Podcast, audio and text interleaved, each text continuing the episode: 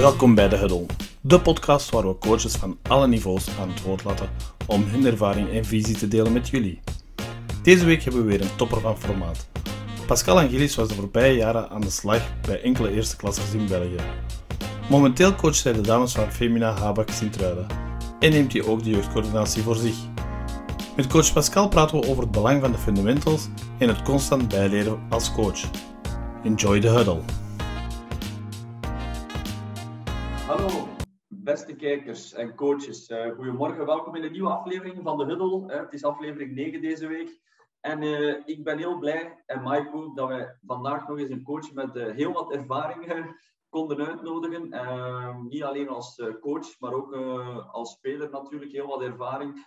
Niet alleen in België, maar ook in het buitenland. Dus dat maakt het nog interessanter, zowel voor ons als voor jullie. hopelijk ook, beste kijkers. En ja, de coach die we vandaag uh, mogen voorstellen is niemand minder dan coach Pascal Angelis. Dag coach, hoe is het met u? Uh, ja, hallo mannen. Ja, met mij is alles uh, perfect.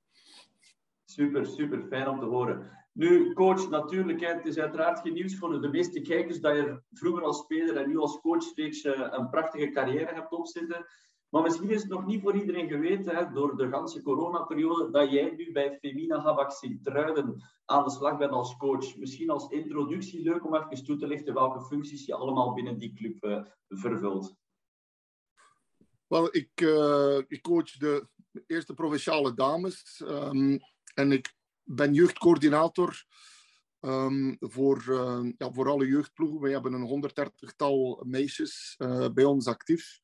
En gezien mijn drie dochters uh, in de club actief zijn, uh, vond ik het uh, een heel leuk idee om, om, daar, om daar mijn energie in te steken. Um, ik ben jeugdcoördinator, maar eigenlijk vooral, ik, ik, ik zie het vooral als coach de coach, um, waar ik probeer onze jeugdcoaches te helpen en bij te staan, um, zodanig dat alle speelsters kunnen profiteren van de vooruitgang van onze coaches. Nee, oké, heel duidelijk, heel duidelijk en leuk. Um, nu, coach, hè, je bent daar jeugdcoördinator. Uh, welke, met al jouw ervaring, hè, welke zaken vind jij nu belangrijk in die rol? Um, en dan zeker als je kijkt naar het coach-de-coach -coach aspect. Ik denk dat het belangrijk is, dit is mijn eerste jaar bij de club, dus ik denk dat het belangrijk is om de basis te leggen. Uh, ja, wat soort identiteit willen we voor die club? Wat soort uh, basketbal willen we kunnen brengen in functie van ja, het moderne basketbal dan? Um, en, en wat willen we dat die speelsters kunnen en kennen, uh, naar gelang ze de, de categorieën opgaan? Um, de eerste paar jaar hier zullen vooral toegewijd worden aan het op niveau brengen van, van iedereen. Uh, wat bedoel ik met op niveau brengen? Dat is ja, zorgen dat al die speelsters een, een technische basis hebben om op verder te bouwen. Um, dus daar, daar zetten we heel hard op in. We zijn bijvoorbeeld bezig met elke week specialisatietraining en shooting, zodanig dat we al onze speelsters met de correcte uh, shottechniek uh, alle kansen kunnen geven om, om, om later het beste uit zichzelf te halen. Um, en we hebben een aantal andere uh, aandachtspunten die we voorop gezet hebben, uh, waarbij dat we willen dat die speelsters uh, die zaken beheersen. ook een, een bepaalde vorm van intensiteit al kunnen brengen, want dat zijn nu eenmaal dingen in het moderne basketbal. Intensiteit, snelheid, goede shotkracht, correcte techniek, die gaan nodig zijn om, om, om het beste te kunnen halen uit, de, uit onze speelsters. Tegelijkertijd um, wil ik vooral de coaches bijstaan uh, en hen helpen om uh, misschien eens dingen vanuit een ander oogpunt te bekijken um, en, en hun kwaliteiten gebruiken om die verder te ontwikkelen, zodanig dat zij als coach beter worden. En ik weet als de coaches beter worden, ja, dan, dan zijn de kansen dat de speelsters beter worden natuurlijk ook groter. Je vertelde net, coach, van uh, die shootingtraining. Hoeveel keer in de week is dat? Eén keer, twee keer? Ja, dus onze ploegen, onze meisjes trainen twee keer per week. Mm -hmm. En wij een derde training per week aan toe, uh, waar dat ze uh, specifieke shottraining krijgen. Dus dat is eigenlijk de halve training iets anders doen als, als aan een shot werken. Oké, okay, dus, ja. is dan twee uurtjes of zo, of een anderhalf uur ook? Uh... Wel, we doen een uur kleine baskets en dan een uur grote baskets. Ah, oké. En we beginnen vanaf nul. En als alles goed verloopt en um, na een maand is het eigenlijk al fenomenaal om de vooruitgang te zien bij de meisjes. En als alles goed verloopt, dan gaan ze tegen het einde van het jaar toch al een, uh, een hele grote stap vooruit gemaakt hebben. En met hoeveel coaches doen jullie dit? Wel, um, ik leid de trainingen en we hebben per basket, uh, dus we hebben zes baskets en we hebben per training voor, voor elke basket een, een coach staan, die dan met een beperkte groep van vier, vijf, maximum zes spelers um, aan het werken is. Dus een heel individuele aanpak. Um, en ja, ik ga dan eigenlijk rond van basket tot basket om een aantal dingen bij te sturen uh, enzovoort. Ja, dus dat is eigenlijk iets dat heel goed loopt. Uh, iets wat ik vroeger gedaan heb, heel lang geleden, toen ik jeugdcoördinator was uh, bij Brussels basketbal. En, um, en dat heeft toen ook heel, heel goed gewerkt. En dus eigenlijk brengen we, nu, brengen we dat nu bij, bij Femina binnen. Ja, klopt. Alleen, we horen vaak dat er um, specialisatietrainingen worden, wel worden gedaan, maar in principe ja, is dat, zoals bij ons in Conto is dat ook een specialisatietraining, één coach voor twaalf man. Ja, dan is dat niet echt niet meer specialisatie. Hè? Dus daarom vind ik het wel goed dat je zo op één basket maximaal zes spelers hebt. Kun je veel individueler werken met de spelers. Uh. Well, ja, je kunt korter op de bal spelen. Mm -hmm. uh, en, uh, en, en een veel directer contact met de speelster hebben. En, en veel sneller natuurlijk bepaald, bepaalde fouten corrigeren. Hè? Dat is zeker. Ja. Mm -hmm. Mm -hmm. Nee, heel interessant, heel interessant, coach. En ja, oké, okay, uh, eerder dit jaar, je zit nu bij, bij, bij Sint-Truiden, maar eerder dit jaar werd er ook bekend hè, dat je aangesteld werd als uh, de Director of International Scouting in Canada, hè, in Ottawa. Daar iets over dat je kan vertellen of delen met onze kijkers? Ja, zeker. De, de sportief directeur bij uh, de ploeg van de Ottawa Blackjacks is Javon Shepard. Um, dat is een speler die ik gecoacht heb toen ik in Charleroi coach was. Mm. Um, uh, hij heeft mij dan gecontacteerd op het moment dat hij uh, general manager werd, met de vraag of ik die functie zou willen uh, invullen voor hen. Um, en dat houdt dus eigenlijk in dat ik op regelmatige tijdstippen dan de on online coachesmeetings bijwoon. Um, dat ik de wedstrijden van ons bekijk en eventueel mijn input geef aan de coaches. Uh, dat ik wedstrijden van tegenstanders bekijk om eventueel daar uh, mijn idee over te geven. En ook het uh, ja, een beetje in kaart brengen en het, uh, het aanbrengen van spelers die potentieel um, in onze ploeg kunnen ingeleefd worden voor, het, voor het komende seizoen telkens. Dus ik ben nu bezig om een aantal profielen in kaart te brengen voor posities um, die gaan vrijkomen naar volgend seizoen toe. Ah, oké, okay, top. En ja, het is international scouting coach. Is dat dan globaal gezien dat jij kijkt? Of zijn er bepaalde regio's in Europa? Of, of hoe kunnen we dat beter zien? Wel, uh, Europa en, uh, en dan Afrika. Oké, okay, ja, toch. Okay. Europa, Afrika. En um, ja, een heel interessante groep van coaches, met onder andere uh, de zoon van Patrick Ewing als assistant coach bij ons. Mm -hmm. Uh, um, uh, the, the general, the assistant general manager is Andy Rotins. Canadese nationale ploeg altijd geweest, Oklahoma in de NBA, Euroleague gespeeld. Uh, dus, dus ja, een, een, heel goede, interessante groep ook om ja, vergaderingen mee te hebben en van ideeën te wisselen enzovoort. Dus um, ja, heel leer, leerrijke ervaring eigenlijk, ja. ja. Oké, nee, dat is wel interessant, want dat is bijvoorbeeld iets dat ik mij afvraag als jonge coach. Dus je bent met scouting bezig, dus je kijkt dan wedstrijden van spelers, hè, video's. Ik vraag me altijd af, aan hoeveel video's, hey, hoeveel video's heb je nodig of hoeveel matchen minimum heb je nodig? Want ja, ene match is ook maar een momentopname natuurlijk. Dus is daar een bepaald minimum of onbeschreven regel voor u als coach dat je wilt bekijken?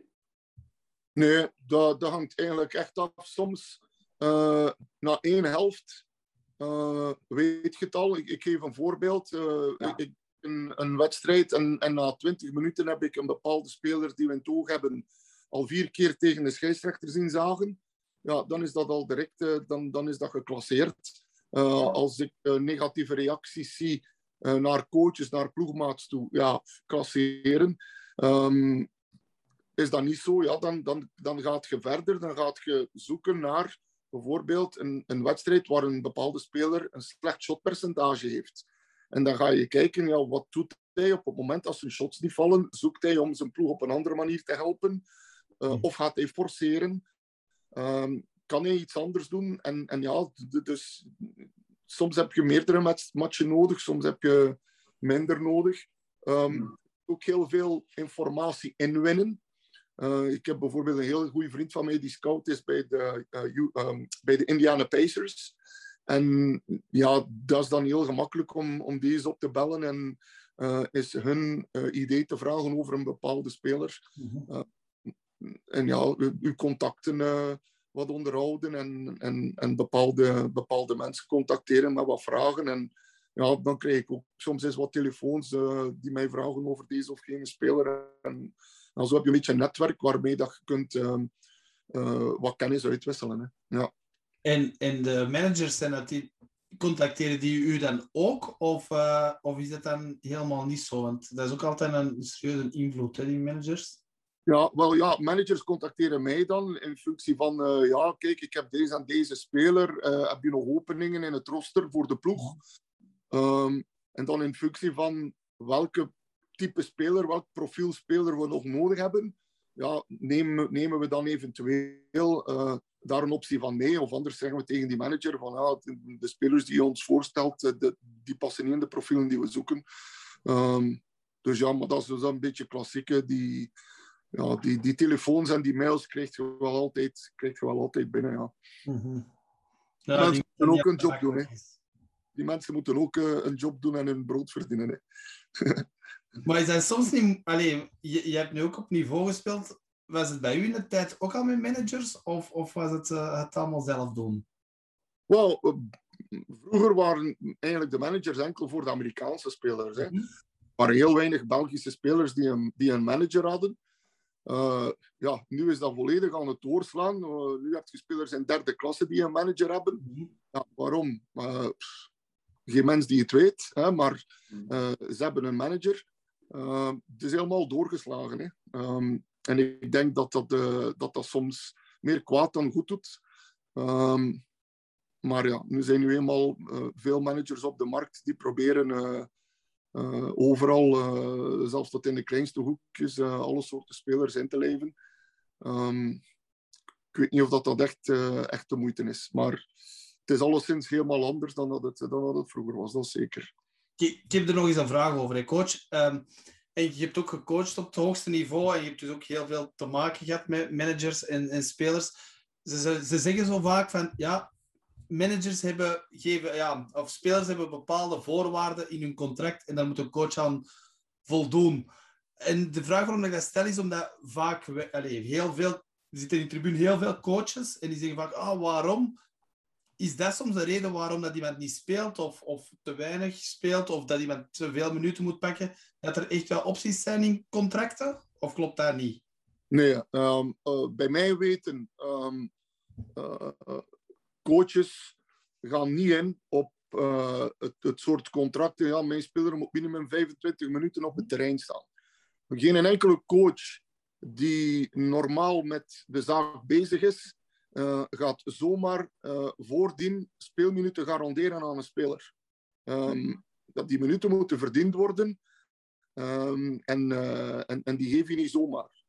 als je dat toch doet als coach, dan schiet je eigenlijk in je eigen voeten want uh, als die speler dan niet de volle pot inzet geeft uh, en dat reflecteert zich niet in de minuten die hij krijgt, ja, dan, dan heb je sowieso een probleem.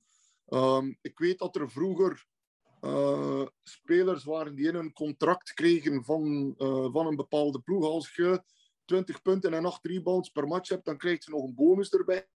Dat zijn dingen die vandaag de dag eigenlijk niet meer, um, niet meer van toepassing zijn. Um, dus bij mij weten dat soort dingen is, uh, is, is, is geen, niet echt een praktijk. Natuurlijk, er zijn misschien dingen waarvan ik niet af weet. Uh, en, en waar het soms wat raar kan worden, is als de manager van de coach ook nog eens de, alle buitenlanders van die ploeg uh, in die ploeg heeft. Ja, dat is dan misschien Dat is dan Mhm. misschien een andere zaak, maar nee, ik, bij mijn weten heb ik daar geen. ehm, eh, ik, ik ken in elk geval geen coaches die, die op die manier hun, eh, hun ploeg leiden. Super, super. Nee, Ja. Dat is duidelijk. En coach, hè, als we even teruggaan hè, in, naar het begin van jouw carrière als coach, weg van alle profs. En, eh, al ja, denk ik dan, hè, dat weet ik niet, dat is al even geleden. Maar als we daar even naar terugkijken, hè, hoe, hoe ben jij als coach hè, vanuit je spelerscarrière in het vak gerold en hoe heb jij die eerste seizoenen als coach ervaren? Wel, ik heb eigenlijk mijn eerste twee coachesjaren waren eigenlijk in de Verenigde Staten. Ik heb twee jaar high school gecoacht. Mhm. Eh, een jaar meisjes en een jaar eh, jongens.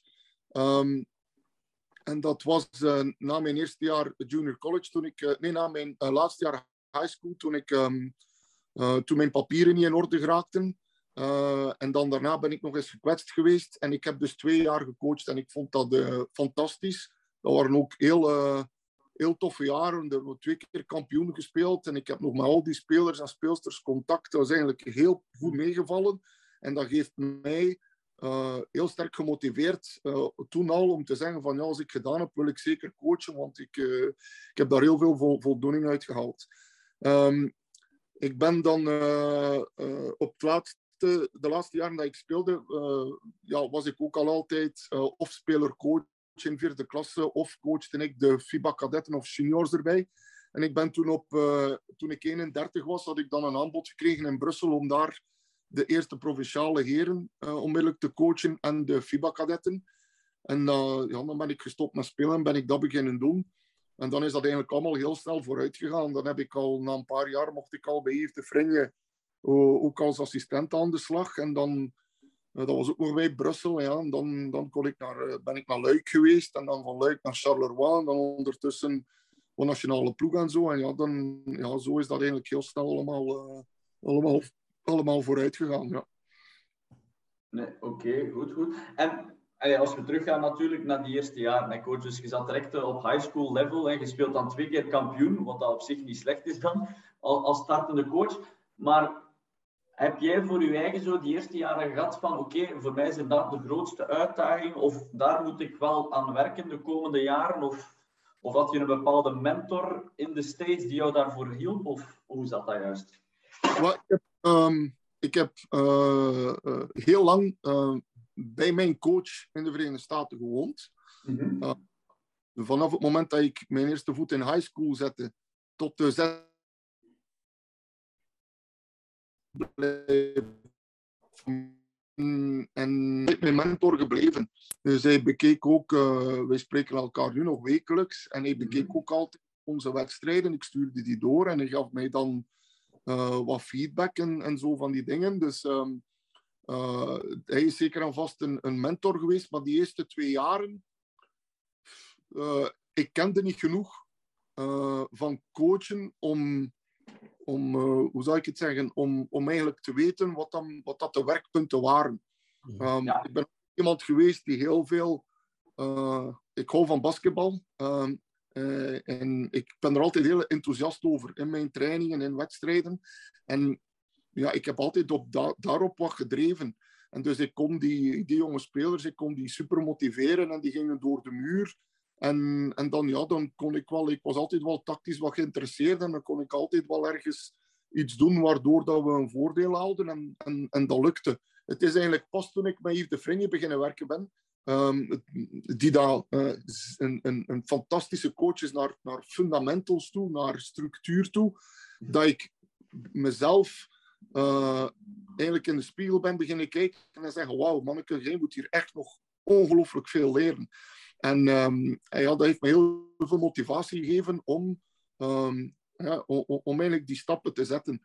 Uh, en ik heb uh, coach De Vrijn, een fantastische mens. En ik, ik heb van hem nog altijd... Um, ja, hij, heeft, hij heeft mij altijd ongelooflijk veel geholpen. Uh, in functie van dingen uitleggen, uh, mij de kans geven om eens iets op training te doen en zo van die dingen. En dan is dat ja, verder gegaan. Ik heb eigenlijk altijd het geluk gehad dat ik met heel goede coaches heb kunnen werken. Uh, ik heb met, met, met, Tom Johnson kunnen werken, die dat ook een fantastische coach is. Ongelooflijke basketkennis. als ik dan kijk, die kasteels, ja, fenomenaal. Dus ik heb eigenlijk altijd ehm, uh, met coaches kunnen werken die, die heel sterk waren. En waardoor ik altijd uh, het idee heb kunnen maken voor mezelf van wauw, ik, ik, sta hier nog zo ver af. Ik moet nog zoveel leren. En dan heb ik daar heel veel energie en tijd in gestoken om ja, die kloof te proberen wat, wat kleiner te maken. Hè. Uh, en, en dus dat stukje is eigenlijk gekomen meer op het moment dat ik op hoger niveau beginnen werken ben. Ze zeggen altijd, hoe meer dat je weet, hoe meer dat je weet wat dat je niet weet. En dat is eigenlijk, uh, eigenlijk wat dat er uh, zeker met mij gebeurd is. Ja. Ik vind vooral wat, wat, je ook zegt, van, dat je die passie dat je dat echt hebt. En, en al diegenen die al het geluk hebben gehad om uh, de cursus bij u te volgen, dat is ook zo. Hè. Tijdens de cursus ziet je dat ook, de passie die je geeft hè, aan, aan de coaches. Ja. Dat is fenomenaal. Allee, ik bedoel, ik denk dat na, na, de, na de cursus dat echt iedereen ook zei, maar het was echt interessant, het was echt leuk. Het was, ja, en dat, dat zouden eigenlijk alle, alle coaches moeten hebben bij, bij een coach waar je naar opkijkt. Ja, en weet je, um, het is altijd. Um, uh, ik geloof niet in. Um, uh, je hebt dat soms, mensen die goed zijn in iets en die denken dan dat ze uh, beter zijn als u en dat jij beneden staat en zij staan boven. En ik ga er altijd van uit, ben er altijd van, vanuit gegaan dat uh, het is maar basketbal. En uh, het is niet omdat iemand uh, in vierde klasse coacht, of wat is dat nu, regionale, landelijke, -hmm. dat ze een minder goede coach zijn als ik die een eerste nationale coach. Um, ik ga het omdraaien. ik kan van eerste nationale een ploeg in tweede landelijke nemen. Dat is geen garantie dat die ploeg gaat winnen. en en wat, wat bedoel ik daarmee? Uh, je kunt van iedereen altijd iets leren. Mhm. En uh, ik denk dat dat het, het uitgangspunt is als je als coach wil beter worden. Uh, dat je moet open zijn en zeggen van, ik kan van iedereen iets leren. En je gaat alles, al kijkt je nu naar Messina, of je kijkt naar een coach uit tweede landelijke, uh, je gaat niet klakkeloos en blindelings alles overnemen wat dat Messina doet. Mm -hmm. er iets bij zitten dat je zegt van, ja, dat is niet voor mij. En ik kan naar een coach in tweede landelijke kijken. En ik heb dat in de cursus al elk jaar meegemaakt. Uh, dat ik dan zeg van, nu mogen jullie een aantal drills komen tonen. En dat ik dan zeg van, ah, dat schrijf ik op, want daar heb ik niet aan gedacht om dat eens op die manier aan te brengen. Ja, en ik denk op, op het moment, de beste manier om beter te worden als coach, is te zeggen van, open vizier en laat maar komen. En ik ga wel filteren uh, wat ja en wat nee. En uh, ja, daar moet je een stuk, uh, ja, noem het passie, noem het um, enthousiasme voor hebben. Uh, om, om, om die mindset te hebben. Hè. Uh, de dag dat je coach bent en dat je zegt van hey, wat is dat hier allemaal, dan denk ik dat je, dat je eigenlijk stappen achteruit gaat. Nee, ik denk uh, dat dat perfect verwoord is, coach. En, en, dat is ook juist de reden, hè, we hebben het al een paar keer aangehaald in vorige gesprekken ook met andere coaches, maar dat is exact de reden waarom dat Mike en ik gestart zijn met deze podcast, coach. Omdat ja, in de coronaperiode konden wij geen training geven, we konden niet naar wedstrijden gaan zien. En ja, voor ons was dat ook, net zoals de spelers, een verloren jaar. En toen dachten we, waarom doen we geen podcast? En kunnen we zo op die manier leren van elkaar, van verschillende coaches. Hè. We hebben al startende coaches gehad die nu op U16-niveau aan het coachen zijn. We hebben nu u al gehad uh, vandaag, die al heel wat meer ervaring heeft. Maar dat is ook zo, je kunt van iedereen iets bijleren. Het is gewoon maar hoe, dat je erin staat en met welke passie natuurlijk dat je ermee bezig bent. Um, zoals je zelf zei. En ja, over passie gesproken, kwestie van een bruggetje te maken. Hè, we weten, coach, je hebt het zelf al een aantal keer aangehaald uh, in de media en, en daarbuiten, dat je een bepaalde passie hebt voor het individuele aspect van spelers. Hè. En dan meer ook naar die specialisatietrainingen, zoals je nu doet, ook bij, bij Sint-Truiden. Um, en vanuit jouw positie, hè, vanuit jouw standpunt op vlak van specialisatie, hè, welke zaken of welke ontwikkelingspunten bij jonge spelers vind jij dat wij nog meer zouden moeten aandacht aan besteden? Wel, dat is een hele goede vraag. Hè. En ik ga erop antwoorden uh, vanuit het volgende oogpunt. Ik heb uh, het geluk gehad dat ik in, de Verenigde Staten een diploma heb kunnen halen van individuele coach. Skill development coach. En uh, ik heb daarvoor een heel aantal trainingen live gevolgd in Las Vegas. met coaches die met, elke dag met NBA-spelers werken. En dus letterlijk dagen in de zaal gezeten, van s morgens 9 uur tot s avonds 5 uur. En elk uur komt daar een nieuwe NBA-speler binnen. Uh, er wordt daar een training aan gegeven, die gaat weg, de volgende staat al klaar, enzovoort, enzovoort. En wat mij altijd ongelooflijk uh, getroffen heeft in, in die trainingen, is de, de simpliciteit ervan. En ik hoor die coach nog altijd zeggen, dat is een zin dat ik nooit vergeet, nothing good can happen if you don't play the game low. Dus met andere woorden, je kunt niks goed doen in basketbal als je niet laag zit. En wel, ik daag alle coaches uit. Volgende training, ga aan de zijlijn staan, begin een drill met uw ploeg en tel een keer van al de spelers hoeveel dat er laag zitten. Je gaat dan geen 15% van je spelers komen. En waar dat alles een beetje aan doorslaan is, is dat we, we gaan volledig weg van die basis belangrijkste dingen. Laag zitten, voetenwerk, pivoteren, dat soort dingen. We gaan volledig daarvan weg en we beginnen direct in uh, stepbacks, combinatie dribbles, uh, uh, alle soorten one-on-one moves en one-foot finish en balken in een en ander en dat. We zijn zodanig aan het doorslaan dat je dus nu drills ziet van coaches die met spelers werken, met tennisballen en gilde boel, en die speler zit constant de bal recht voor hem te dribbelen.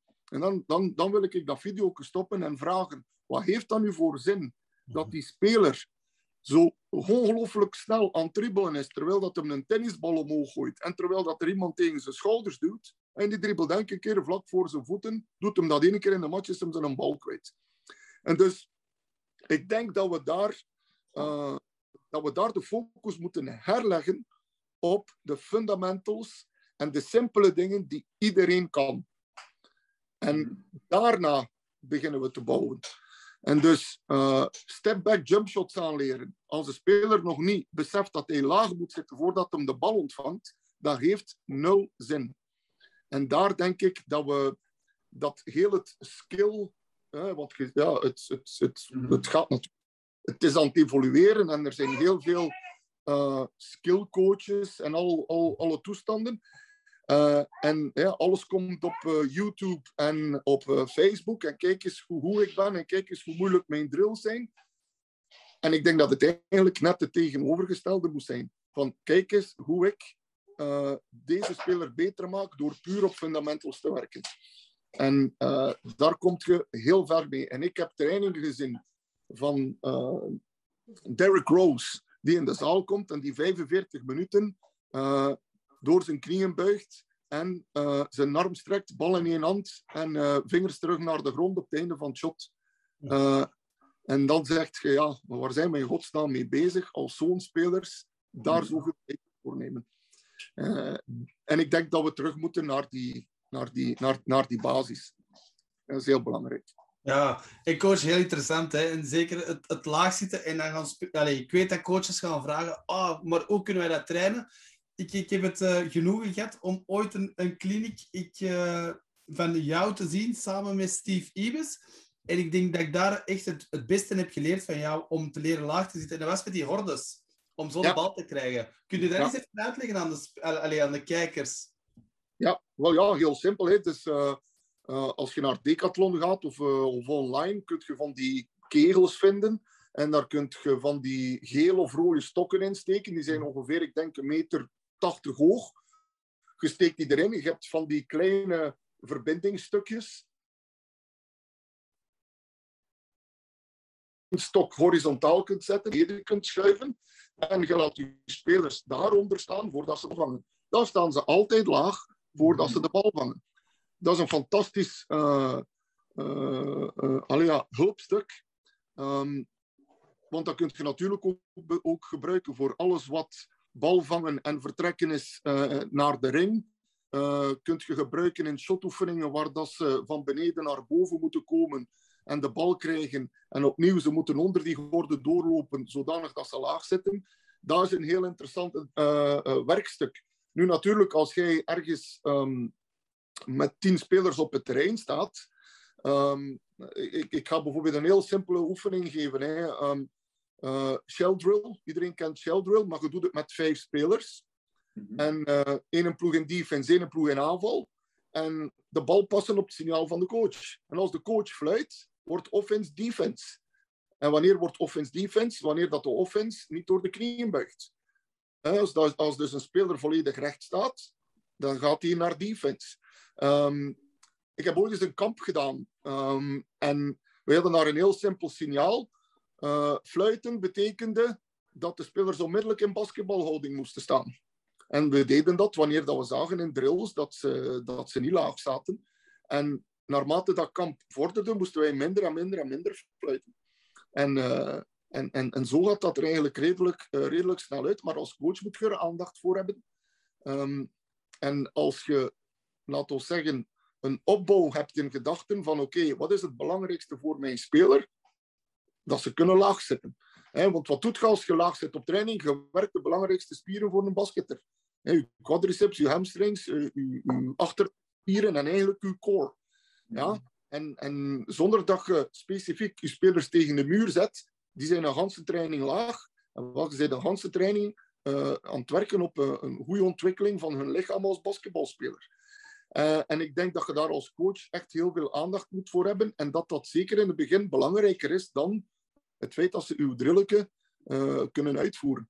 Uh, want wat zeg je met een drill die uitgevoerd wordt als ze allemaal recht staan? Um, dus dat is, een, dat is een heel belangrijk stuk. En dan het stuk pivoteren. Um, ik doe regelmatig wat kampen.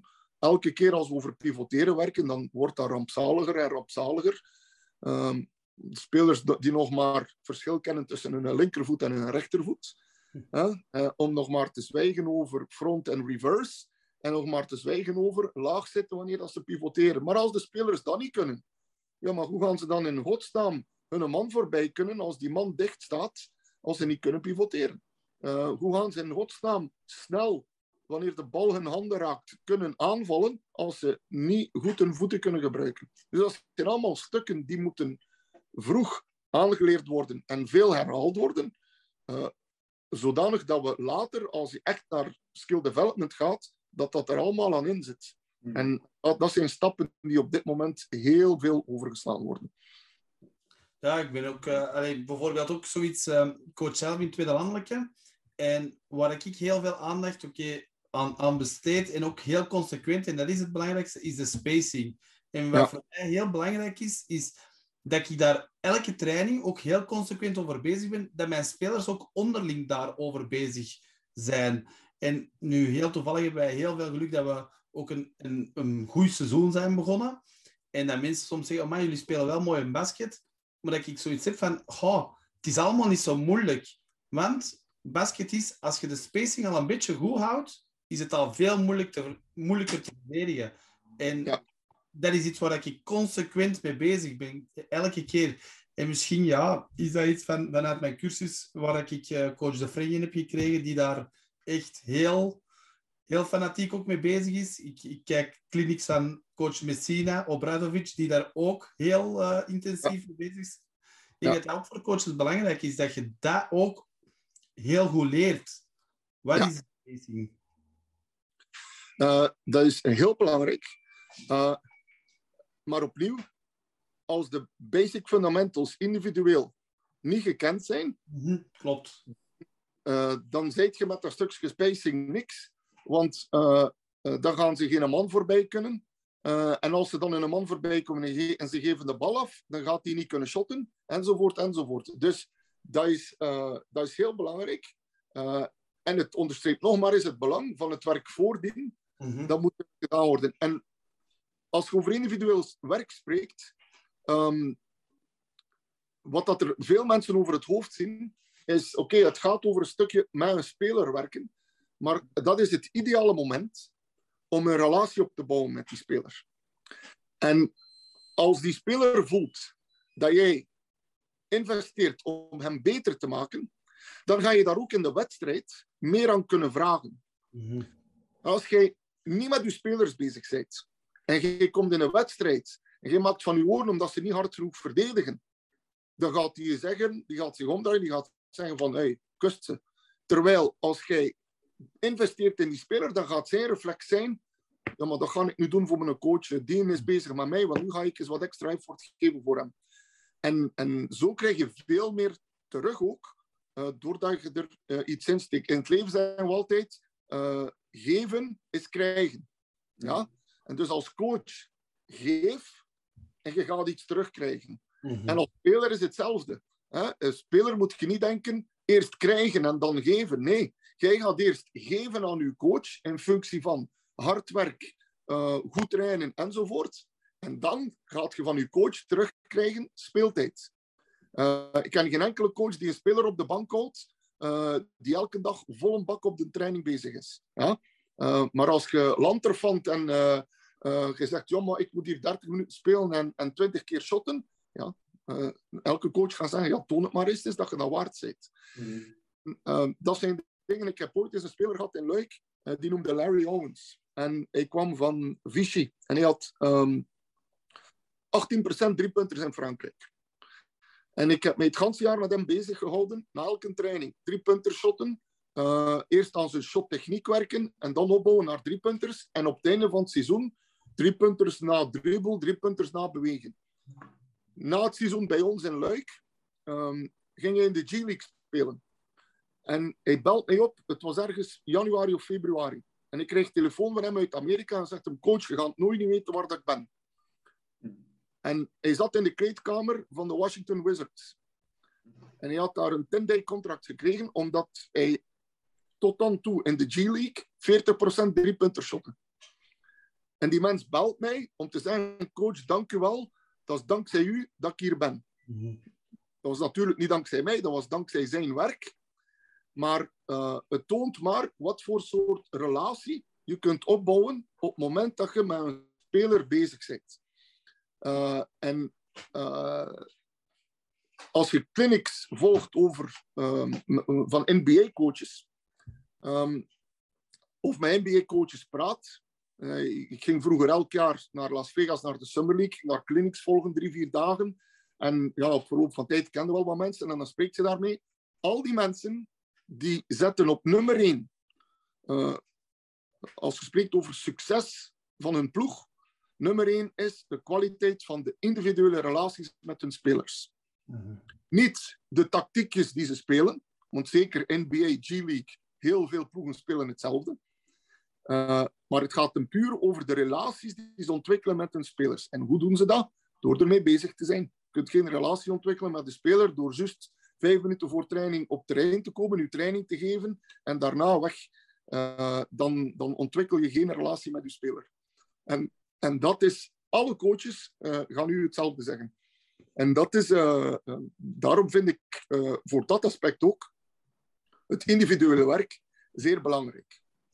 En ik ga misschien even van het onderwerp weg, maar dan is het voor mij onbegrijpelijk dat ik zie hoe dat heel veel ploegen in de coachingstaf uh, van een fulltime assistant naar een parttime assistant gaan, terwijl dat je eigenlijk zou moeten een extra coach kunnen zetten die met spelers kan werken, wil werken, omdat je dan op een jaar tijd je spelers individueel allemaal naar een hoger niveau kan tellen. Mhm. En als die beter worden, wordt je ploeg beter.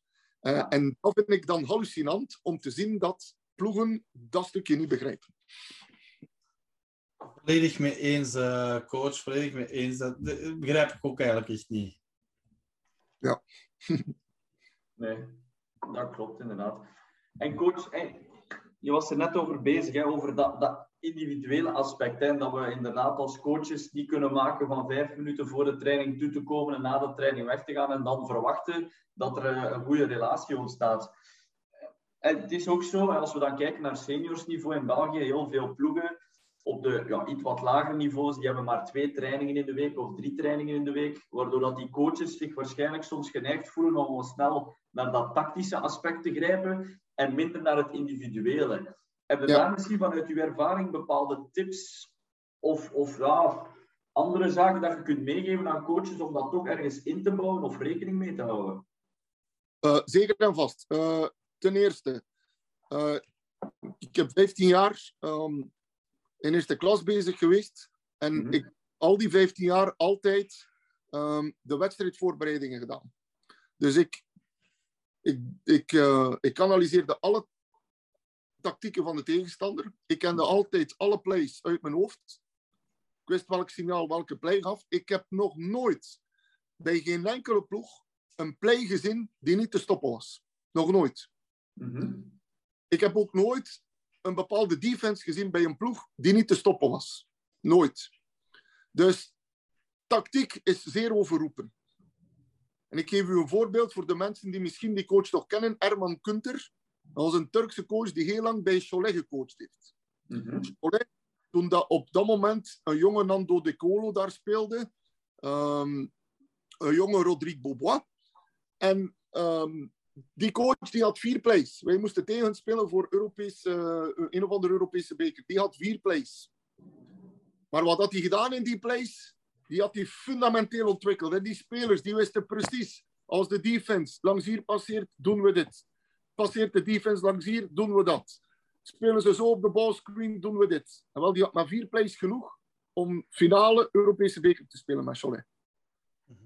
Dus die drie trainingen per week, als je dat wilt opvullen met allemaal tactieken, dan gaat je er veel minder uit je ploeg halen dan dat je je tactieken limiteert en fundamenteel werkt met je spelers. En als ik zeg fundamenteel werken, dan gaat dat over individueel werken, maar dan gaat dat natuurlijk over uh, ook het lezen van situaties. Dat is ook player development. Ja, op een bepaald moment moet een speler, moet een speler een dribbel aanleren, maar die moet dan ook nog weten in welke situatie hij deze of geen dribbel gaat gebruiken. Je moet hem een shot aanleren. Hij moet weten in welke situatie kan hij dat shot nemen, in welke situatie gaat dat niet lukken, enzovoort, enzovoort.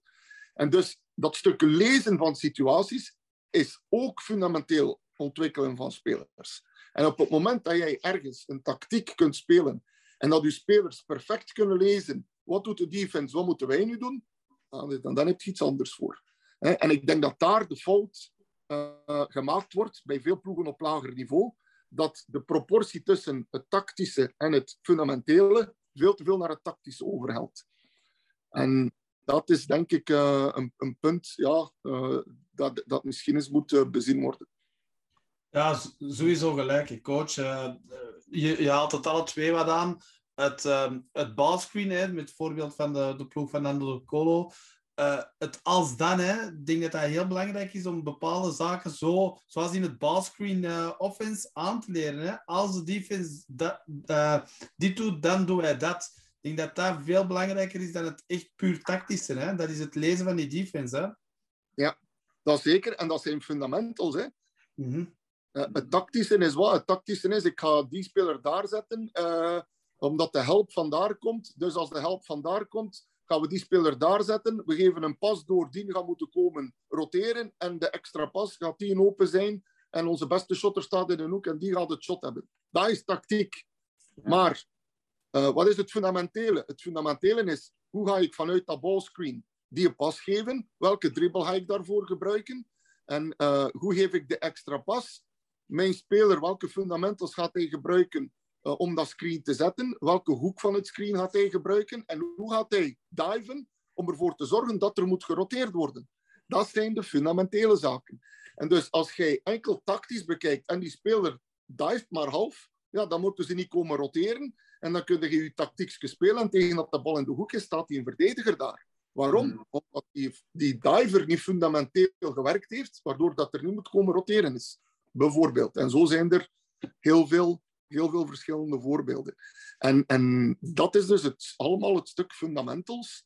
Uh, en ik, ik, kijk elke week eerste klassematchen en ik zie elke week zonde na zonde op fundamenteel vlak uh, van spelers, waardoor dat bepaalde acties niet tot hun recht komen. Uh, en dan staat je daar gewoon als coach met uw tactiek. En, en is het dan, want je, je hebt zelf die ervaring gehad in eerste klas, is het dan omdat de coaches daar te weinig aandacht aan schenken en dan te veel naar die tactiek gaan? Of is het omdat de spelers het gewoon niet, niet zien? Of, ik weet het niet, hè? Ik, heb, ik heb er geen ervaring mee. Ja, wel, eh, het zijn allemaal verschillende factoren. Hè. Um, um, ik, ik ga even over ballscreen defense spreken. Uh, ik heb vroeger Limburg United is overgepakt in november. Uh, een aantal jaar geleden. En wij hadden een speler, Kalik Spicer. een ongelooflijke atleet. Snel, bewegelijk en ongelooflijke sprongkracht. Maar om een of andere reden bleef hij altijd, die zat altijd te laat in zijn ballscreen defense. En uh, ja, dat, lukt, dat paste niet in wat ik, wat ik wou doen. Dus uh, mijn verdedigende tactische organisatie viel in het water doordat hij er nooit geraakte. Mm-hmm. Dan heb ik twee keuzes. Ofwel ga ik die tactiek veranderen in functie van hem die er niet raakt, ofwel ga ik zeggen, ik ga jou leren hoe dat je dat moet doen. Ja. Ik heb voor de tweede gekozen, want we hebben twee trainingen per dag.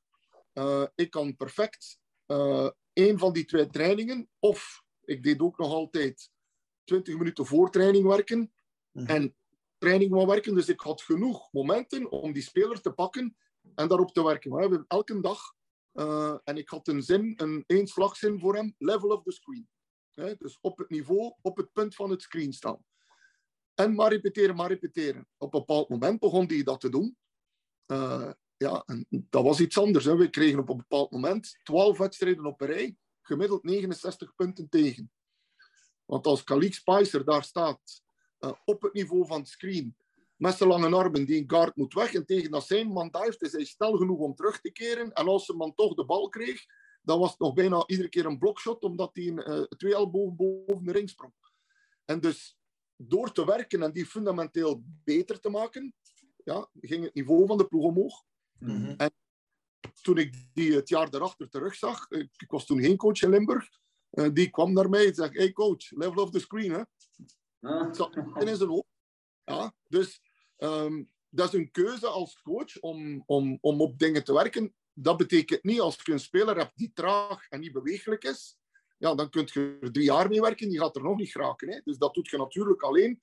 Je moet natuurlijk altijd werken in functie van wat je spelers aan kunnen. Hè.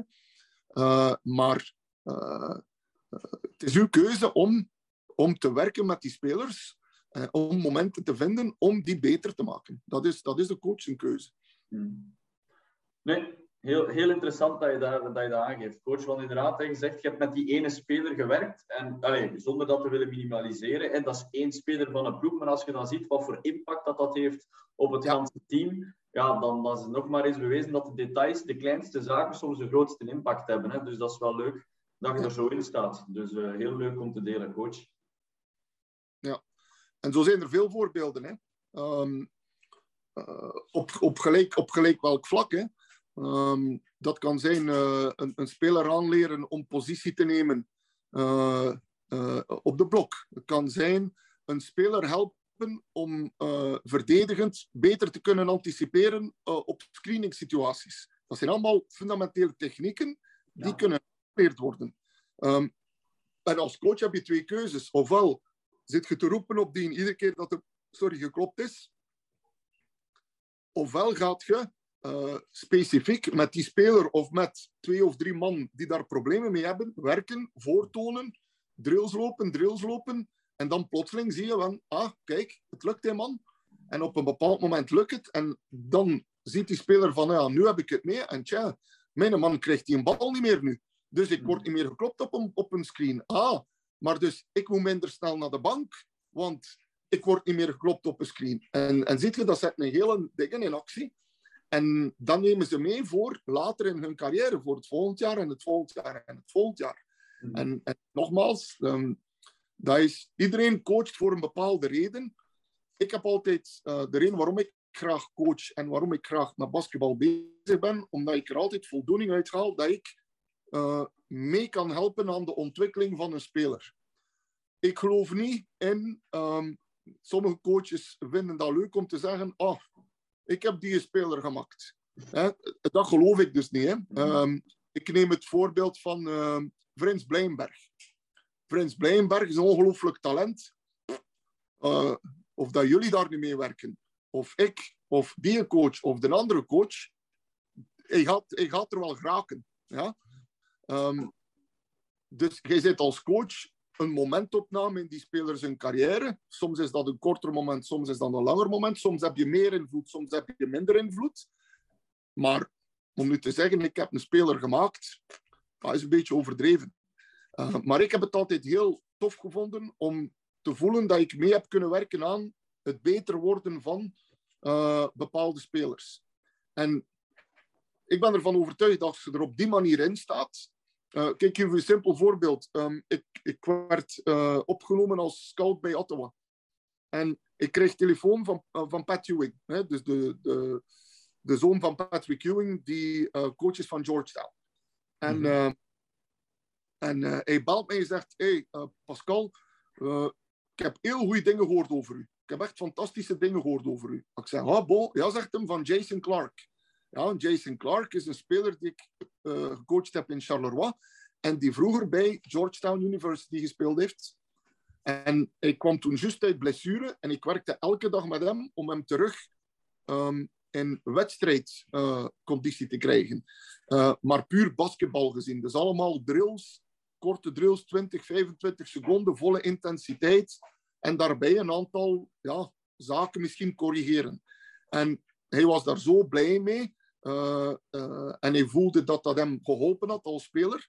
En wel, die vertelt dat door aan iemand. En wel, zit je, uh, iemand dat jij totaal niet kent, kan uiteindelijk wel u kennen en misschien over u iets goed zeggen, omdat jij de tijd erin gestoken hebt om met de speler te werken.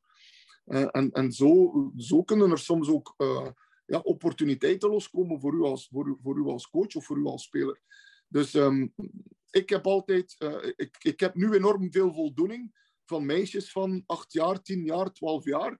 Te zien hoe dat die week na week, hoe dat hun shot verbetert. Mm -hmm. En dat ik, wauw, dat vind ik nu eens echt tof om te zien hoe die vooruit gaan. Ik heb van, van mei en juni heb ik met jongens van 12 jaar gewerkt. Um, elke zondag in Sint-Truiden. Uh, shooting en ballhandling en een beetje one-on-one moves. En als ik dan zag, na de twee maanden, hoe dat die vooruit gingen, ik, heb daar, ik had daar ongelooflijk veel voldoening van. En ik denk, ja, iedere coach heeft zijn eigen reden. Sommige coaches coachen om in de krant te staan of, op tv te komen.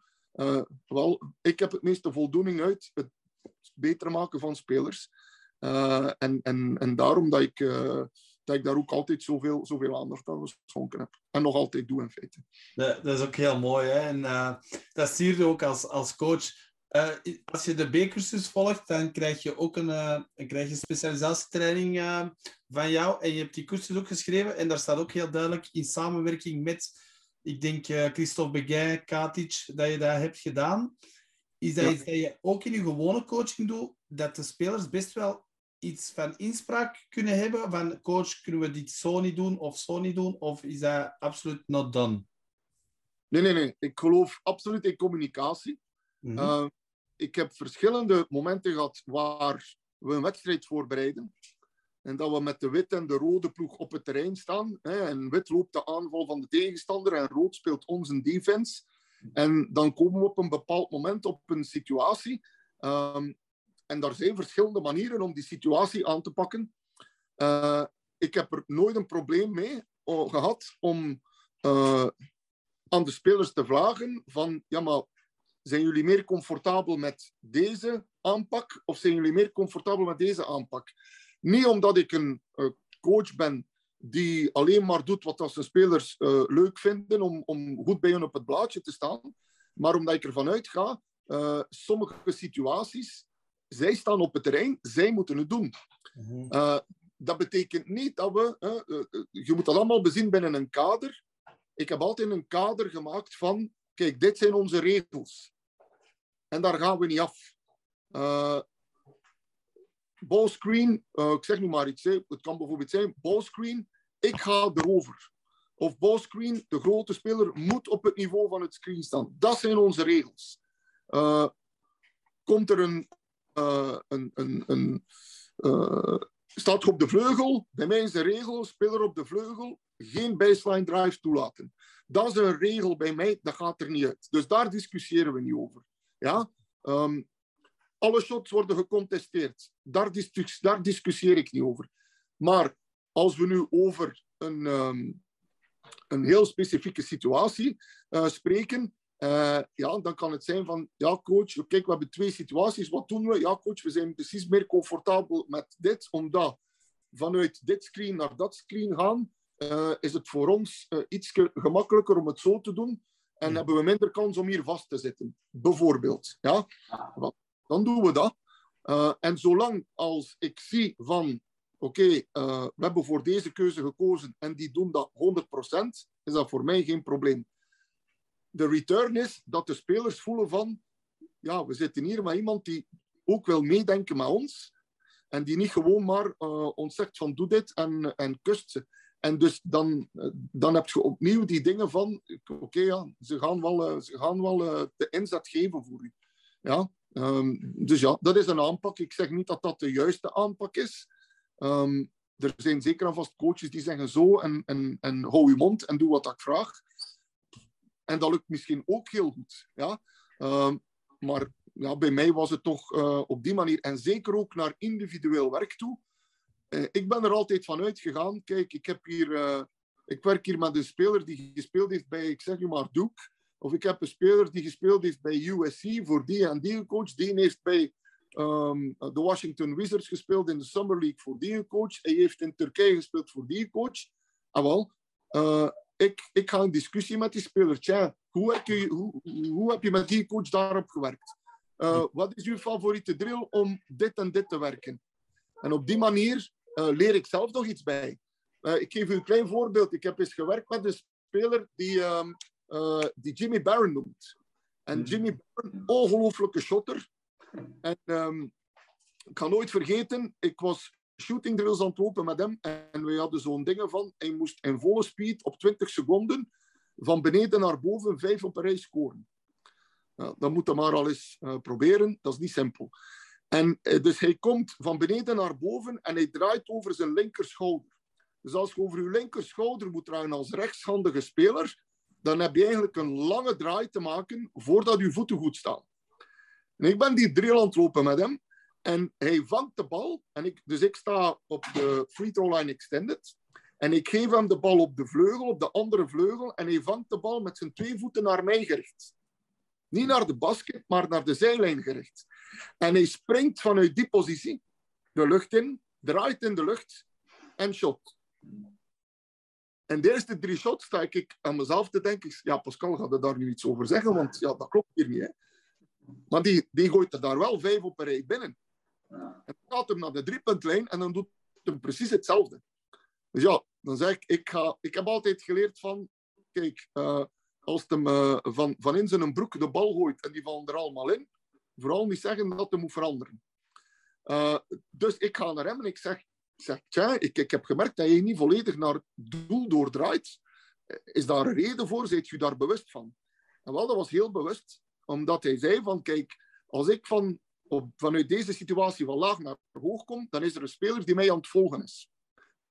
En als ik die bal vang en ik, vang de bal zonder mijn voeten naar doel te draaien, dan hang ik eigenlijk al in de lucht voordat die speler beseft dat ik shot. Omdat hij niet verwacht dat ik ga shotten als mijn voeten niet naar doel wijzen. En ik kan in de lucht mijn schouders draaien naar doel. En ik heb dus een halve seconde voorsprong op mijn verdediger. En dat was de reden. Ga ik dat nu aanleren aan, uh, aan jonge spelers? Dat ga ik niet doen. Maar als ik met een speler werk die een enorme goede shotter is, is dat wel iets dat ik ga bijbrengen aan hem. Van kijk, probeer dat eens. Zie eens of dat, dat lukt met u. Uh, uh, om dat te doen, dan kun je weer al een stapje voor hebben. En dat is iets dat ik leer van, van spelers. Ik heb met Radinovic gewerkt, die van Radinovic. Um, dat is een fenomenaal, technisch fenomenale speler. Hij had ook uh, Euroleague gespeeld, de University of Arizona. ik heb daar heel veel mee gepraat over hoe hij de dingen doet. Uh, en ik heb daar uh, een aantal dingen van, uh, van opgestoken. En wat er ook belangrijk is, ik, heb, ik ben in een aantal dingen versterkt geweest in mijn mening waarom ik zaken zo doe. Um, omdat hij en de coaches waar hij voor gespeeld heeft, die toch Euroleague-coaches waren, ook de dingen op die manier deden, om die en die reden.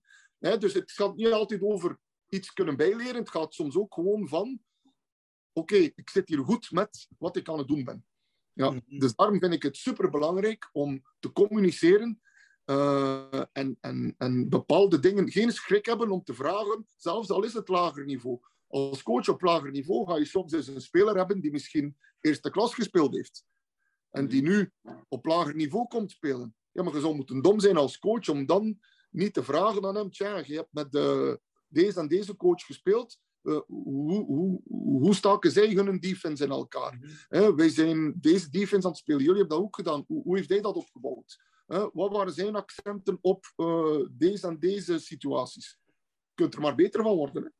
Ja, dat, dat is zo. En zelfs coaches onderling. Ik heb van de week nog een, een berichtje naar Gunnar gestuurd. Ik, ik was mijn wedstrijd aan het voorbereiden voor, de, voor deze zondag. En ik zei tegen Gunnar, ik zeg, oh Gunnar, ik zou een oefening moeten hebben over um, onder, allez, uh, onder het screen gaan en dan over de top gaan. Heb jij een idee? En, en hij stuurde mij een hele oefening. We gaan die donderdag proberen. En, ik denk dat dat gewoon leuk is, dat je af en toe ook eens gewoon vraagt aan iemand anders. En soms kan hij zijn dat dat misschien niet goed is. Of dat men het op zijn minst gevraagd en geprobeerd. Omdat ja. je, ja, je, je moet iets horen bij anderen. Soms kom je heel leuke dingen tegen. Hè? Ik denk uh, dat je dat moet durven vragen, zoals je zegt. En dat is een beetje nog het probleem hier in, in België. Mensen zijn soms um, uh, allez, uh, afstandelijk om, om dingen te delen alsof dat wij als coaches, alsof dat er hier één coach in België is die ergens een of ander geheim dingen heeft, uh, waardoor, waardoor dan niemand hem kan kloppen of als hij dat doorgeeft aan iemand anders, ja, maar dan gaat hij dat ook weten, dan ben ik mijn voordeel kwijt. Dat bestaan niet, zo'n dingen. Als er geheime dingen zouden bestaan, of, of, uh, of onklopbare dingen, ja, dan had er al lang iemand mee uh, iets gedaan. Hè. dus dat bestaat niet. En ik denk dat wij, wij hebben die cultuur niet hier in, in België. die cultuur van, van, van dat delen. Mm -hmm. waarom zou het iets niet delen? Weet je, als je tegen een andere ploeg speelt, die, die kennen uw tactiek beter dan dat uw spelers het zelf kennen. Mm-hmm. Die hebben alles, die kennen... Als wij speelden, ik wist... Ik kende alle defenses, alle rotaties. Ik wist precies in welke play waar ik iemand kon vrijkrijgen. Precies. Het, ja, het is niet omdat je dat weet dat dat ook lukt allemaal. Uh, het is niet omdat je de tactiek van een tegenstander kent dat je er ook effectief gaat in slagen om, om, om, om, om te winnen. Uh, alleen, iedereen kent alles van iedereen. Um, dus ik, ik, zie het punt niet in van ja, waarom, uh, waarom, zou je, waarom zou je niet delen? Uh, maar ja, elke coach heeft zijn uh, ideeën natuurlijk. Ja, ik denk dat we zien wat er straks perfect was. Hè? Ik heb nog nooit een, een defense of een offense gezien die onomklopbaar was. Ik denk dat dat ja. de, de zin ervan, allee, dat dat het perfecte antwoord erop is. Waarom dan niet alles kunnen delen? ah ja. ja. Sowieso. Nee, Hey, allemaal heel interessante zaken, coach. Uh, ik denk dat uh, wij, Mike en ik, en zeker alle coaches die aan het kijken zijn, uh, heel, we weten dat er heel wat jonge coaches kijken die heel ambitieus zijn. En als dat dan insights zijn die van iemand als u komen, coach, dat dat wel heel, heel waardevol is om ook onze dromen op vlak van coaching waar te maken. En, en als we dan kijken naar dromen, coach, hè, je hebt natuurlijk al het hoogste niveau bereikt. Heb jij als coach nog bepaalde dromen of wensen om ergens aan de slag te gaan? Of bepaalde coaches nog ergens van dichtbij te gaan volgen ergens in een ander land? Of zegt jij van niet bepaald, ik laat het gewoon op mij afkomen? Nee, kijk, ik heb een. Um, uh, uh, ik, ik heb natuurlijk no nog dromen op, op basketbalvlak.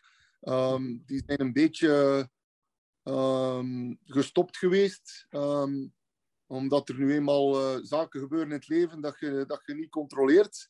Ja. Uh, en uh, ja, de meeste mensen weten wel dat mijn zoontje ziek geworden is. En um, ja, ik moest natuurlijk ehm, stoppen direct om, um, om, om, om, om er voor hem en de familie te zijn.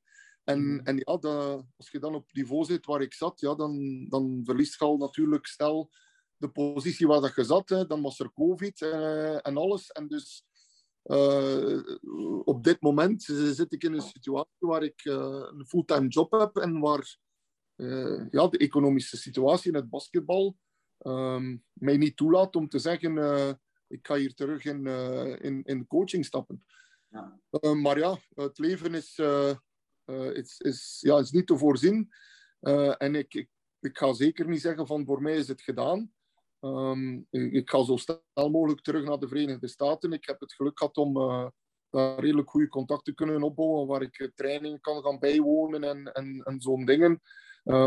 van zodra je kan, ga ik ook in Europa nog proberen van een aantal zaken te gaan bijwonen. Ik zal dolgraag eens gaan naar, naar Rode Ster. En, en ik heb daar goed contact waar ik zeker mee zal kunnen uh, naar de trainingen gaan en zo. Maar, maar ja, op dit moment is het wat moeilijk. dus ja, we, we, we, zien wel wat, dat er, wat dat er eventueel nog, nog, nog kan gebeuren. Maar ik, ik blijf alleszins mezelf verder proberen ontwikkelen. heel veel basketbal zien, heel veel kijken, clinics, wedstrijden.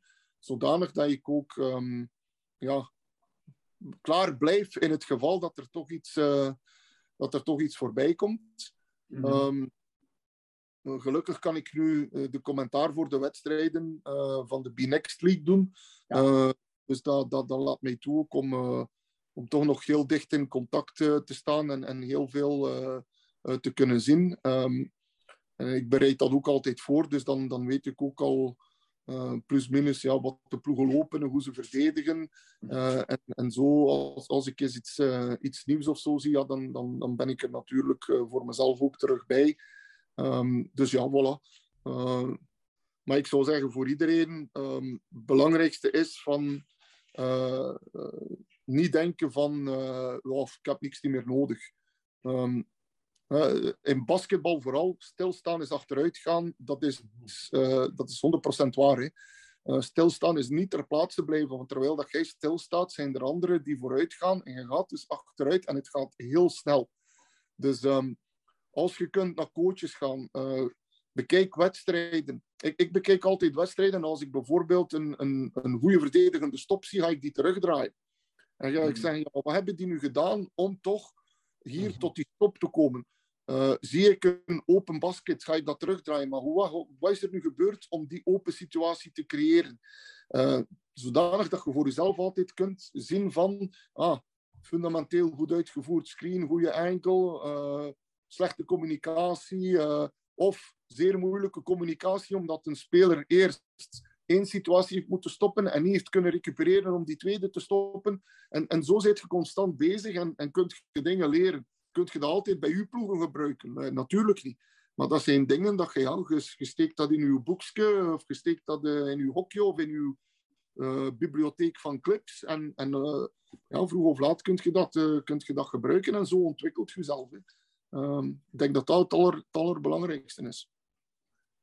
Ik denk dat dat een super, super goede afsluiter is. Ik denk dat we allemaal dat moeten doen en, en echt we hebben het honderd keer gezegd, deze podcast ook. Iedereen kan van iedereen uh, leren. Coach Michiels uh, heeft ons dat ook over laatst nog gezegd. Die zegt, je kan gerust naar een derde provinciale match kijken en daarvan ja. leren. Dus blijf dat doen, geniet daarvan.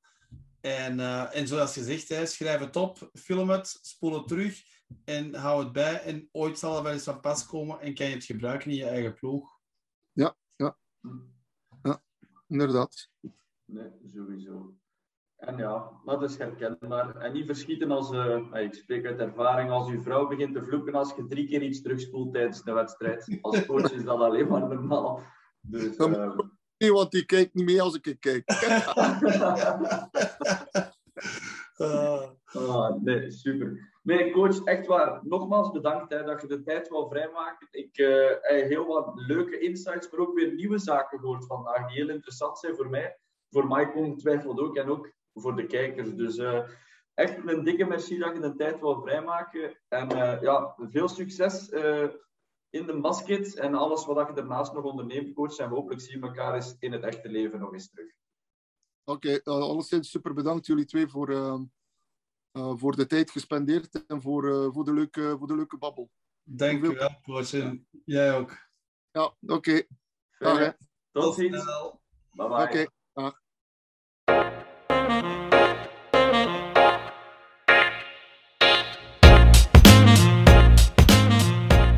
Bedankt om te luisteren naar de Hiddle. Elke week nodigen wij coaches uit om hun visie over basketbal en coaching te delen met jullie. Op die manier kunnen coaches hun filosofie verruimen. Volgende week hebben we weer een speciale aflevering. Een buitenlandse coach zal ons vergezellen aan de tafel. Tom Newell is niet enkel een fenomeen in Amerika, maar heeft over de wereld gewerkt. Vergeet zeker niet om onze pagina te liken, om zo up-to-date te blijven van alle of nieuws.